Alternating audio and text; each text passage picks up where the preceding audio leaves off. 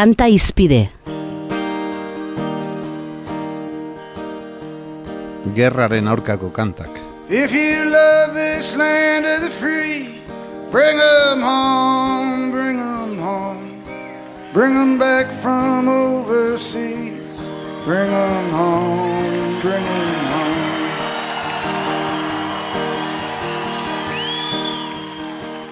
Gerra da zalantza izpirik gabe gizakiaren asmaziorik ankerrena. Aurrez pentsaturik eta prestaturik, armaz leporaino orniturik eta krudelkeria eta bortizkeria dosi gaitzak erabiliz, beste gizaki batzuk beraria zerailtzea da gerra. Beste kolore batekoak direlako, beste religio batekoak direlako, edo haien lurraldea eta ondasunak desiragarriak direlako. Eta ez dirudi gerrarako joera apaltzen ari denik. Urtean urtean, hogeita hamar gerrak eta gerratek pizturik baitiraute munduan.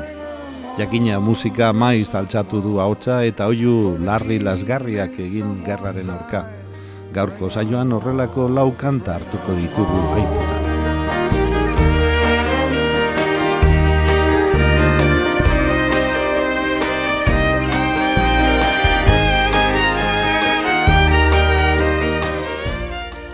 Lehenbiziko kanta, We Shall Overcome de Seeger Sessions diskotik eh, atera dugu eta Bruce eh, kantatzen digu Bring Them Home ekarritzazue berriz ere etxera. The men cheer, the boys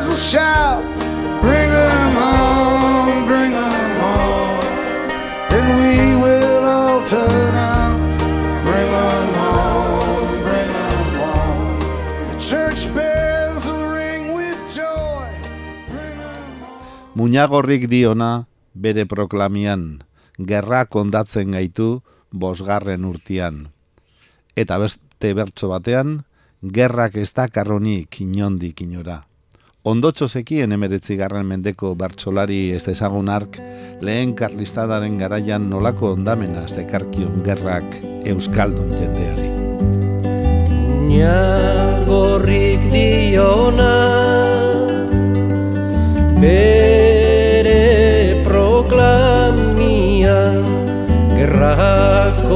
kondatzen gaitu Bosgarren urtian igaz jarrikan Carlos. Madrilko bidian bultza zuten atzera. Gerrak bere, gerra bere oinian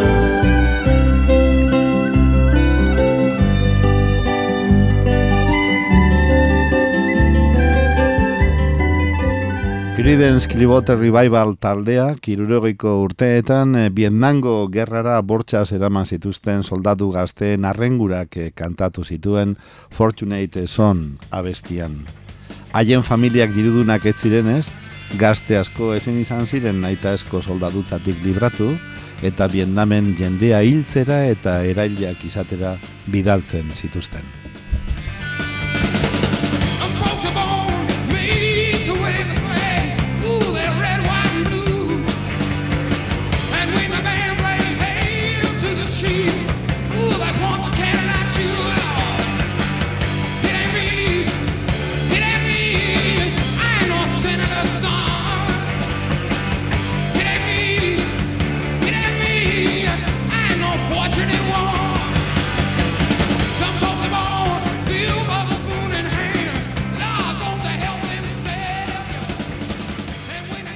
Garai bertsuan, mila behatzireun derogeita bederatzean, Rolling Stones taldeak gerraren aurkako beste oiu bihotz erdiragarri bat eh, kaleratu zuen. Gin Michelter kanta, hain zuzen ere. Guk dakigula lehenbiztiko aldia izan zenura, rock kanta batean, gerra, erailketa eta bortxaketa hitzak erabiliz diren.